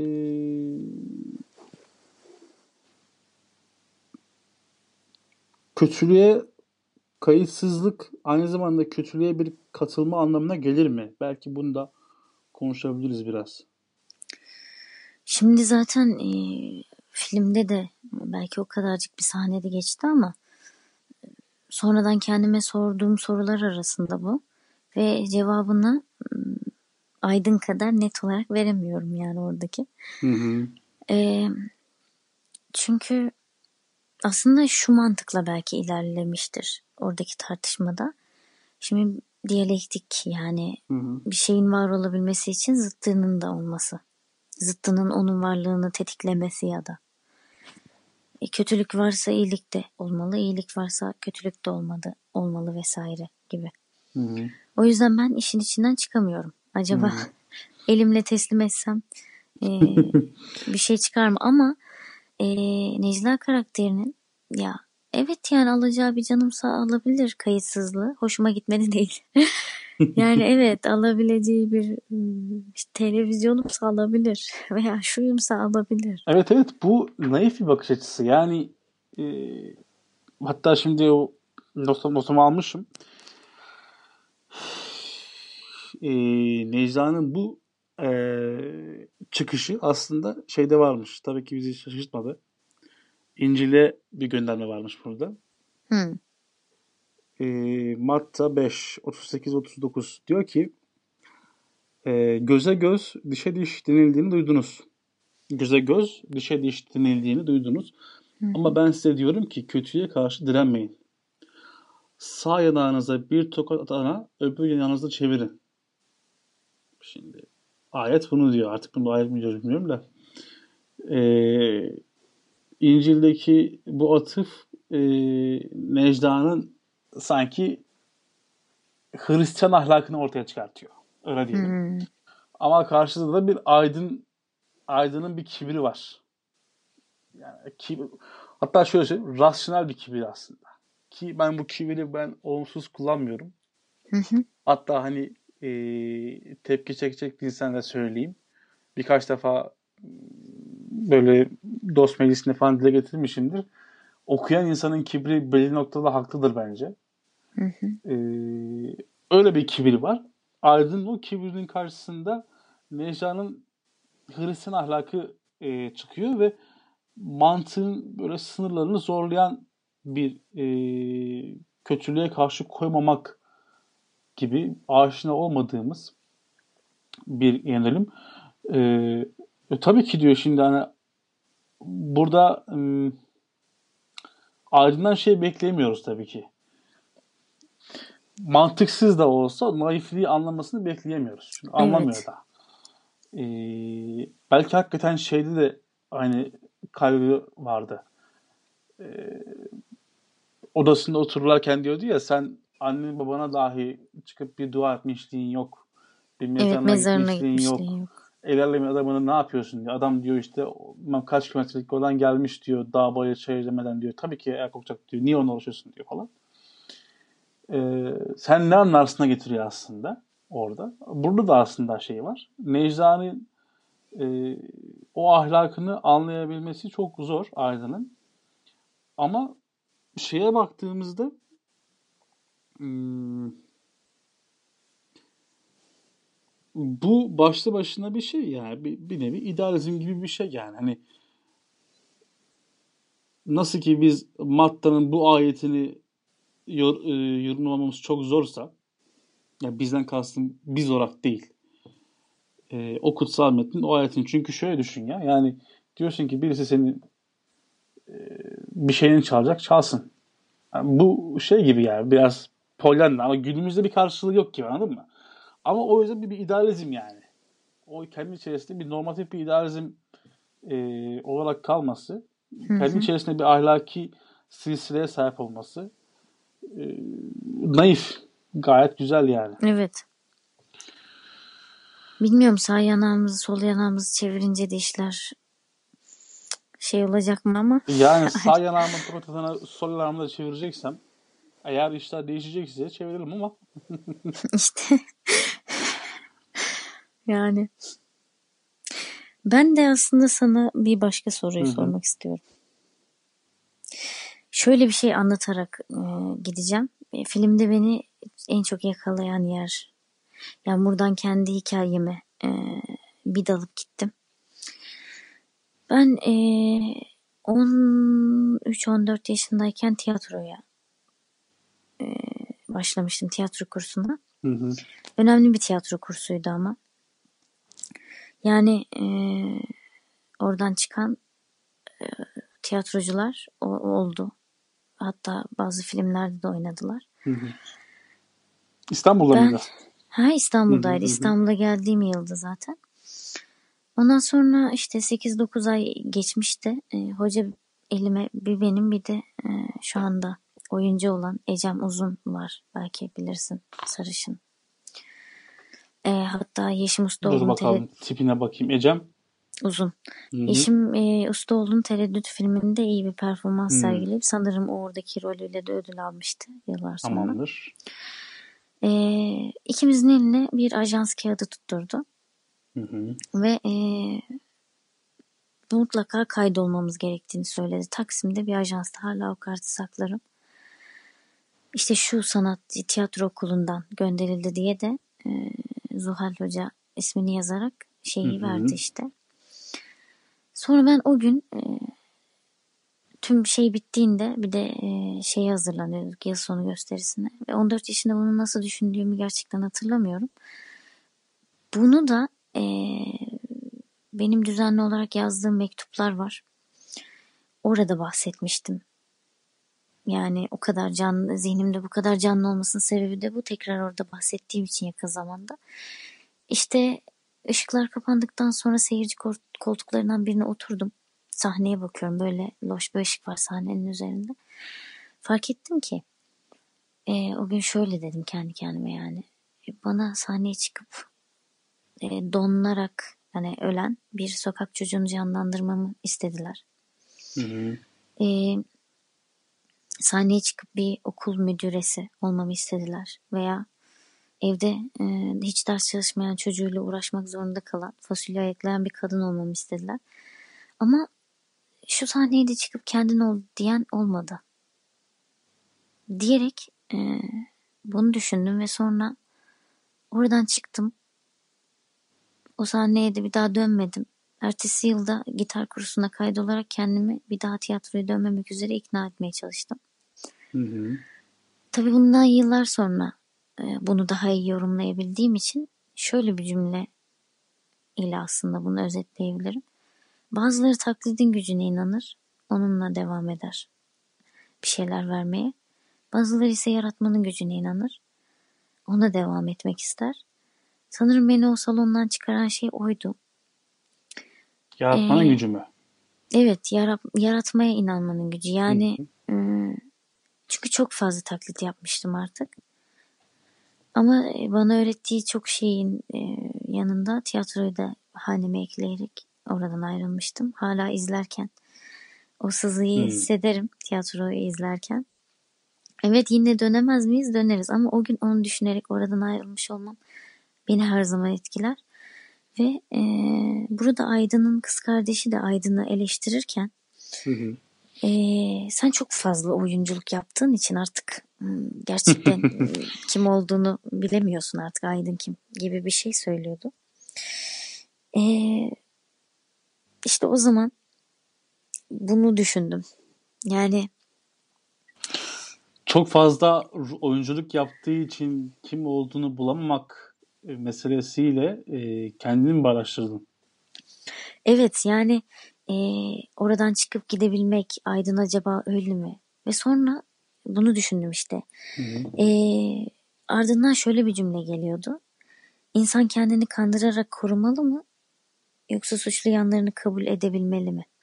Yine Necla'nın sorgularından birisiydi. Hangisi Hmm. daha şey yapılabilir? Yani m, işte bu taklidin gücüyle artık başkalarını oynamanın gücüyle eee, Aydın insan yani kendini kandırarak korumayı seçmiş bir insandı.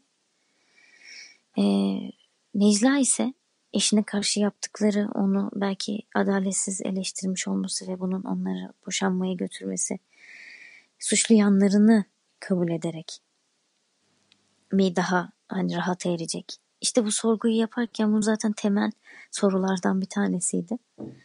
Bunun üzerine mesela senin fikrini merak ediyorum. Sence sence nedir yani bu? Hmm. Aklıma ilk gelen şeyi söyleyeyim. Ee, filmin son sahnesinde Aydın karakterinin aslında bir itirafı vardı. Normalde biz e, karşısındaki öğretmene vermiş olduğu bir cevap olarak bunu düşünmüştük ama bunu ben aslında bir itiraf olarak okudum. Ee, orada şey diyordu mesela. Aldanmak yaptığımız her işte şaşmaz yazgı yaz, e, yap, yaptığımız her işte şaşma, şaşmaz yazgısı hepimizin. Her sabah parlak işler tasarlar, gün boyu budalalık ederim. Ee, Aydın filmin sonunda aslında bu itirafın üzerine bizim o gördüğümüz işte tavşanı vurup e, hmm. affet beni deyip bir mektup yazıp e, meseleye dönmeye başlıyor. Hmm. Bu yani aldandığını e, her gün şaştığını ve budala olduğunu itiraf ettikten sonra bu dönüş başlıyor. Bu itiraf beni aklıma getirdi açıkçası. Ee, seninle nasıl bağdaştıracağım peki? Bu senden biraz çıkması lazım mesela tabii. Ee,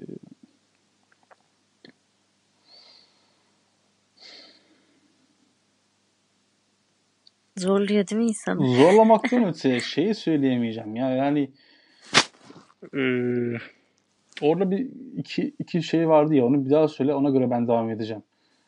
E, iki şey iki şey söylemiştin. Eşine karşı söylediği. Yani e, Necla bu insan kendini kandırarak ha. mı korumalı? Ha, kendini kandırarak mı korumalı? Yoksa, Yoksa suçlu yanlarını kabul edebilmeli mi? Ya suçlu Bu daha mı kendisi? kabul edebilmeli. Zaten işte Aydın suçlu yanlarını kabul ederek işte bu cümleyle itiraf ederek e, yola çıktı. Benim tercihim bu ikincisi olurdu. Suçlu yanlarını kabul etmek ve hatta yetmez e, bunu itiraf ederek. Ha, bunu mesela e, Aydın yapmış gibi gözüküyor. Necla yapamadı. Pardon Nihal yapamadı. Nihal suçlu yanlarını kabul edemedi. Sadece hı hı. ondan korktu. Yani korktu ve yüzleşemedi. İsmail kendisine bu imkanı sundu. Fakat yüzleşemedi. Ve o adamın yanında kaldı. Eğer yüzleşebilseydi, suçlu yanlarını kabul edebilseydi Aydın eve geldiğinde onu görmemesi gerekirdi. Evet. Zaten gitmesi gereken karakter o aslında. Evet. Şimdi Nihal'e bakalım. Pardon Necla'ya bakalım. Necla anladığımız kadarıyla ayrılıyor. İstanbul'a mı gidiyor bilmiyoruz. Ama şey meselesini biliyoruz yani. Sürekli olarak e, Aylin'le konuşurken bir sıkılmışlığından işte İstanbul'a geldim, İstanbul'dan buraya geldim, e, bunalmış durumdayım bir yandan e, kardeşinin kendi e, sıkıntıları ve bir yandan da kardeşinin eşi işte Nihal'in sıkıntıları var. Onları eleştiriyor. Hatta yer yer e, e, Aydın'ın eşi üzerinden Aydın'a laf çakıyor falan. E, ikiniz de birbirinize benzemişsiniz falan tarzında. Hı hı. Ama biz e, büyük ihtimal burada bir boşluk da olabilir çünkü yönetmenin söyleşisinde dile getiriliyordu. Çok çabuk apar topar çıkıyor e, filmden e, Necla. E, biz onun İstanbul'a gidip gitmediğini bilmiyoruz. Evet. Mesela şu olsaydı e, işte eşimin yanına döndüm. Bana karşı olan bana yapılan kötülüğe kayıtsız kaldım ilk defa bunu sorgulamadım. Yani bütün insanlardan farklı olarak ben bambaşka bir ahlakla bana yapılan kötülüğe karşı kayıtsız kaldım. En azından bir mektupla bunu ifade etmiş olsaydı hı hı. ben eşimin yanına dönmüş olduğunu deseydi derdim ki evet bu da e, suçunu kabullenmiş. Ama buradan da anladığımız kadarıyla suçunu kabullenmemiş bir kadın var. Ve işte hı hı. bu yıkıldı. Sen demiştin ya herkesin yıkılıp hı hı hı. tek başına Aydın'ın kaldığı bir noktadayız diye. Evet Necla yıkıldı. Nihal yıkıldı. Aydın yıkıldı ama e, belki de bu itirafla yani suçunun kabulüyle e, gururunu da ayaklar altında alarak çünkü yaşaması için e, bu ağır yükten, omuzlarındaki bu ağır yükten kurtulması gerekiyordu. Ve kaybedecek bundan başka şeyin kalmadığını sandığı noktada olduğu için belki de e, bu itirafla e, yeni hayatını kurmaya e, başladı. Yani ikincisini tercih etti Aydın. Evet Filmdeki zaten. üç karakterden sadece Aydın bunu yapabildi. Evet. Yani aslında şunu görüyoruz demek ki. E, oraya konulmuş her görüntü, e, her kelime, her cümle e, demek ki bir anlama geliyor. Yani film gerçek anlamda e, bir e, şey gibi, oya gibi işlenmiş. Hı hı. Tek tek e, bir manaya geliyor yani bizim için. Ya belki de bu bizim yorumumuzdan dolayı böyle olabilir. Yani bambaşka bir insan bunu bambaşka Başka şekilde de anlayabilir biz burada e, biraz hissi, biraz kendi hayatımızdaki meselelerden e, şimdi e, sen kendi hayatından bazı şeyler söyledikten sonra meseleyi bir filmle bağladın. Benim evet. de son 10, 10 dakikadır belki belki son 5 dakikadır. Senin soruna vermiş olduğun cevaplar aslında kendi hayatımdan vermiş olduğum şeylerdi. Tabii ki. Ee, yani kendi hayatımdan kastım. Aydın bir itirafta bulunuyor ama ben de itiraflarında bulunarak aynı noktaya geldim. Ee, suçlarım varsa, günahlarım varsa, o günah dediğim şey her neyse şayet. E, bunları kabullenerek e, birçok kez gururumu da belki ayaklar altına alarak yeniden bir şey inşa etmeye başladım. Hatalarımın farkında olarak. O yüzden e, bizim bunu yorumlayışımız e, isabetli oldu yani. E, Nuri Bilge Ceylan da bu kapıyı açık bırakabilme becerisine sahip en azından Türkiye'de sayılı yönetmenlerden. O yüzden. E, iyi bir senkronizasyon oldu diye düşündüm. Evet. Film güzel bir hisle e, gitti. Yani o sıcak tonları çok hoşlanıyorum ya Talha. Yani bir zamanlar Anadolu'da da hı hı. E, o vardı. Ahlı Taci'ni henüz izleyemedim. E, o sıcak tonlar çok hoşuma gidiyor. İnan e, yani huzursuz eden karakterler bile hoşuma gidiyor böyle olunca. yani oradan e, her birinden e, şey yapmaya başlıyorum. Çünkü e, bu filmin öyle bir özelliği vardı. Bana kendini çok sevdirdi birçok anlamda. Hı hı. Ve şeyi merak ediyorum ya bu konuda bir bilgin var mı? Hani o otel gerçekten öyle bir otel var mı? Yoksa mekanı Böyle. Bun, Aha. Bunun için mi kurguladılar acaba? Çünkü gidip o otelde tam kışın ortasında e, bir beş günümü geçireceğim. Beş hafta Yok günü. boşa gitme. Ee, şöyle oluyor iş. Okudum onu ben şeyden, söyleşiden. Ee, oda sahnelerinin olduğu yerler set.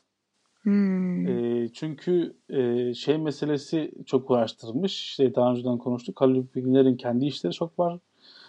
E, sürekli olarak Kapadokya git gel meselesi yapılamıyor. Bir de istenildiği işte oda sahnelerinin yansıtıldığı tasarım biliyorsun. Ben mesela o e, meşhur bir sahne var. E, işte Haluk Bilginer'le e, Demet Akban konuştuğu sahnelerden bir tanesi hatta Bilge da kendi web sitesinde fotoğraf olarak çektiği ve yüksek çocuklu koyduğu bir fotoğraf. Ee, o mesela yıllardır benim bilgisayarımda şeydir. Arka plandır. Hatta şu anda ona bakıyorum. ee, o e, inşa edilen e, sahne maalesef şeyde yapılamamış. Yani e, çok yer araştırılmış. E, hatta mesela Kapadokya bile aslında e, mecbur kalındığı için e, seçilmiş. Mesela e, işte turistlerin geldiği, aynı zamanda kışın güzel olduğu bir ortam e, denildiğinde genelde akla hep şey gelmiş işte Ege veya Akdeniz'de bir işte yalnız bir otel falan olur mu diye ama da çok klişe olacağını düşünmüş. Kapadokya'dan hmm. başka imkan kalmamış. Kapadokya'da e, bir hafta 10 gün içerisinde dış çekimlerin hepsi yapılıyor. Asıl uzun sahnelerin tamamı diyalogların olduğu için onların böyle sürekli olarak kesilmemesi için Nuri Bilge Ceylan e, hatta ilk kez bunu da orada söylüyor. E, set meselesine girişiyor ve şey diyor bu zamana kadar diyor hani hep diyor set meselesine şey dinliyor e, karşı gelirdin diyor e, mesafeli durdum diyor. E, ama bu diyor ilk kez bunu denedim diyor ve hani tatmin oldum diyor. Demek ki diyor bu şeye bağlıyorum diyor. Gençlik yıllarındaki heyecana bağlıyorum diyor. Öyle bir işte yok e, dual olması lazım falan filan diye. Hmm. E, onların tamamı e, çok incelikli bir şekilde inşa edilmiş. e, set. Setlermiş. Yani ben de şeyi okumuştum da o zaman işte ya zaten sinemayla uğraşmaya başladım başlayalım. Birçok tarafını görünce şimdi Nuri, Bilge Ceylan'ın o gençlik hevesi, gençlik şeyi dediği olay e, sanırım bende mevcut. O kadar genç değilim ama yine de e, üzülmüştüm. Şey karlı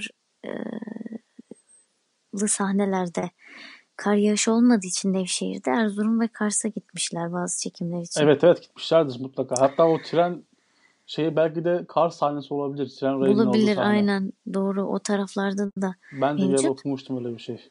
Evet yani e, o da biraz üzdü. işte şartlar şey yapıyor insan.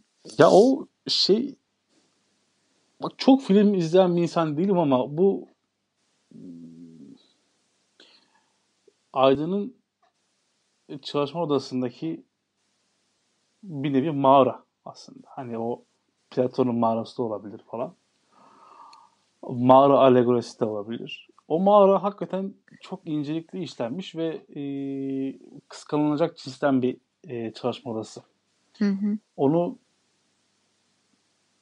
ya e, nasıl diyelim orası bu kadar iyi inşa edilmeseydi birçok şeyi de vermeyecekti bize. Yani bu tek tabii, başına tabii. bir göz zevkinden öte işte sen dediğin gibi mesela bir tanesi şey demiştim.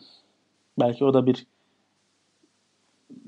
görmek istediği yerden de görüm olabilir ama e, bir arkadaş demişti. Yerdeki afişler e, Türk ya da Türkiye'ye ait eserlerken duvardaki afişler işte yabancı falan böyle. Aynen işte evet. Ee, tabii o da bir algı seçicilik ya da bilinçli bir tercih de olabilir. Yani fi, filmin karakteri gereği de bu olabilir ama hepsi ince döşenmiş ee, e, ve bizi hep o diyalogların içerisinde e, tutan bir e, atmosfer. O atmosfer öyle olmasaydı büyük ihtimal tutmazdı. Evet. diye düşünüyorum. Tabii tabii yani kim 15 dakikalık konuşma sahnesine sabredebilir Tarhan Ve o şeyi verdiği 7, için. 7 sayfaymış ya e, ikisinin diyaloğu. Evet. 7 sayfaymış. 20 e, dakikaya e, düşürmüşler. Bu diyalog meselesi deyince şey de aklıma geldi de belki onları da söyleyebiliriz ve sonrasında sona geliriz. Hmm. Şimdi bu Aydın'ın ne gibi bir entelektüel olduğu meselesi belki başa dönersek e, Aydın için sanırım hmm, onaylanmak meselesi elzem. Yani hmm. işte hani sen de demiştin ya o mektup gelmişti ve bir övgü vardı. Hı hı. Ya da işte e, din adamıyla konuşuyor. Sürekli kendisini onaylayan bir şey bekliyor. Yani e, bak ben bunu söylüyorum ama bu böyledir falan hep bir, bir onaylanmak. Halbuki biz biliyoruz ki aydın ya da entelektüel ya da filmdeki e, yansıtılan ya da bizim öyle gördüğümüz o aydın karakteri dışarıdan baktığımızdaki bir profil olarak aydın onaylanmaya ihtiyaç duymaz. Ee, bunu mesela şey çok eleştiriyor kardeşi nasıl eleştiriyor? Ee, mesela şeyi hatırla. İlk kez bu kadar açıkça konuşulan hani hatta adam şey diyor cin şişeden çıktı diyor. Hı. Konuş diyor mesela. Ee, şimdi Necla diyor ki e, ya sen diyor işte diyor sen de bahsettin e, işte tiyatrocusun işte kendi ilgilendiğin alanlar var uzman olduğun alanlar var. Bunlar hakkında yazmıyorsun. Hiç e, hayatına camiye dahi etmemişsin. E, ne bileyim işte e, din nedir bilmezsin. Bir dua etmişsin yok. Kalkıp e, hayatını bunun üzerine adamış bir insanın ne karşısına çıkıp e, o konu hakkında bir şeyler eleştiriyorsun falan diyor. E, tabii orada aslında bence şey de haklı. Yani Aydın mesela hani hmm, Aydın şey diyor ya mesela din hakkında bir şey söylemek için mutlaka da camiye gitmek lazım falan tarzı bir şeyler söylüyor mesela. Orada da aslında evet. haklı da asıl eleştiri şeyden geliyor bence. E, diyor ki bu diyor vıcık vıcık bir romantizm var diyor. E, inandırıcı olmayan naif bir kendine inanç. Risk yok bir kere. Yazar herkes tarafından kabul görmüş pozitif değerlere sahip çıkarak kendini sevdirmeye çalışıyor gibi. Bir kurban buldun, her şeyinden faydalanıyorsun. Bıraksana şu zavallı adamın peşine. Hı hı. Şimdi biz buradan şey düşünüyoruz. Yani Aydın dediğin karakteri yani burada eleştirildiği anlamda vicdana ve dokunur. Ee, çıkışlarının olması. Ama biz Aydın'da bunu göremiyoruz. Yani yazarda bunu göremiyoruz. Karakterde bunu göremiyoruz. Evet. Tam tersine hatta şey oluyor. Bir yerde işte bu ilk e, din adamı hakkında yazmış olduğu makalesinde şey diyor. Okuyayım orayı. %99'unun Müslüman olduğu bir ülkenin halkı iyi yetişmiş, kılık kıyafeti düzgün, varlığıyla güven veren din adamlarını hak etmiyor mu? Her hafta imamlarımızın hazırladıkları hutbe cemaat tarafından zevk ve beğeniyle dinlenecek ve onları da yükseltecektir. İslamiyet bir medeniyet ve bir yüksek kültür dinidir.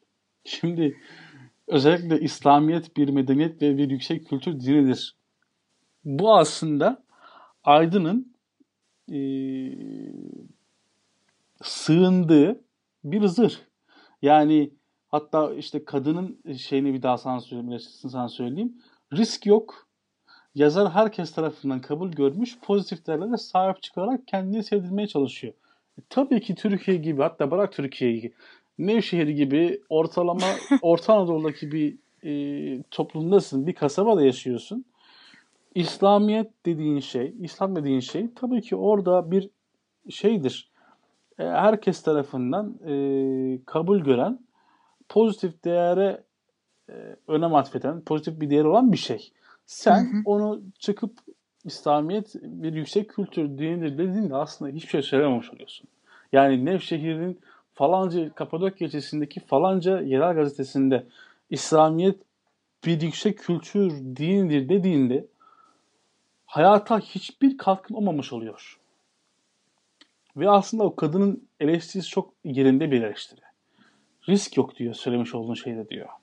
Kayda değer bir şey yok diyor. Sırtını meşrulaştırıcı zırhlar der misin diyor. İşte bu evet, evet. Din, din meşrulaştırıcı bir şey. Bir koruma, bir zırh. Bayrak nasıl öyle bir şeyse din de öyle bir şey.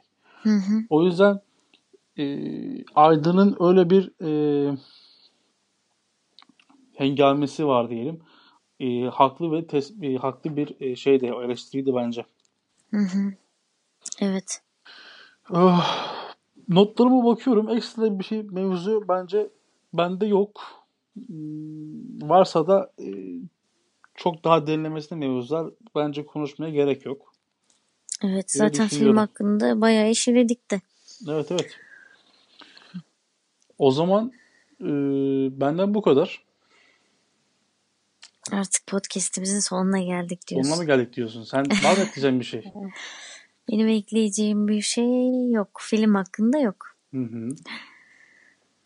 Zaten kitap önerimizi de yaptık sayılır. Evet kitap önerimizi yaptık. Filmimiz zaten Kış Uykusu. Hı hı. O zaman ben şey düşündüm. Ee, filmin sonunda e, Avusturyalı besteci Schubert var. Onun bir müziği çalınıyor. Hı hı.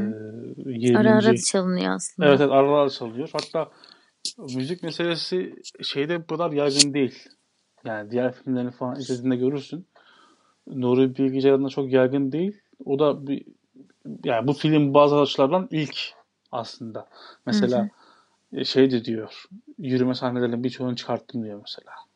Hmm. Eski filmlerinde falan çok vardı. Evet. Ee, ona rağmen falan. Ee, bence hoş olmuş. Özellikle o son hmm, Aydın'ın okumuş olduğu metinle birlikte dinlendiğinde. Evet. Aslında bu 8 dakikalık bir e, hatta 9 dakikalık bir müzik ama ben e, sadece ilgili kısmını alıyorum. 2 dakika 40 saniyelik bir müzik çalacağız. E, Avusturyalı e, Schubert'ten gelecek. Evet. E,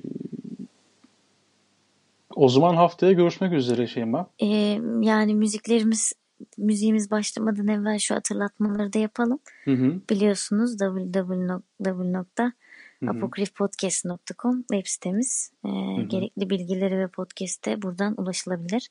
Aynı zamanda Facebook Apokrif Podcast sayfasından e, haftalık evet. e, şeylerimizi takip edebilirsiniz. Aynı zamanda Spotify ve iTunes e, podcast'te de bulunuyoruz. Bunları da belirtelim. Teşekkür ederim bu haftaki güzel muhabbetimiz için. Ben de teşekkür ediyorum. Kendine iyi bak. İyi bak. Görüşmek üzere. Hoşçakal.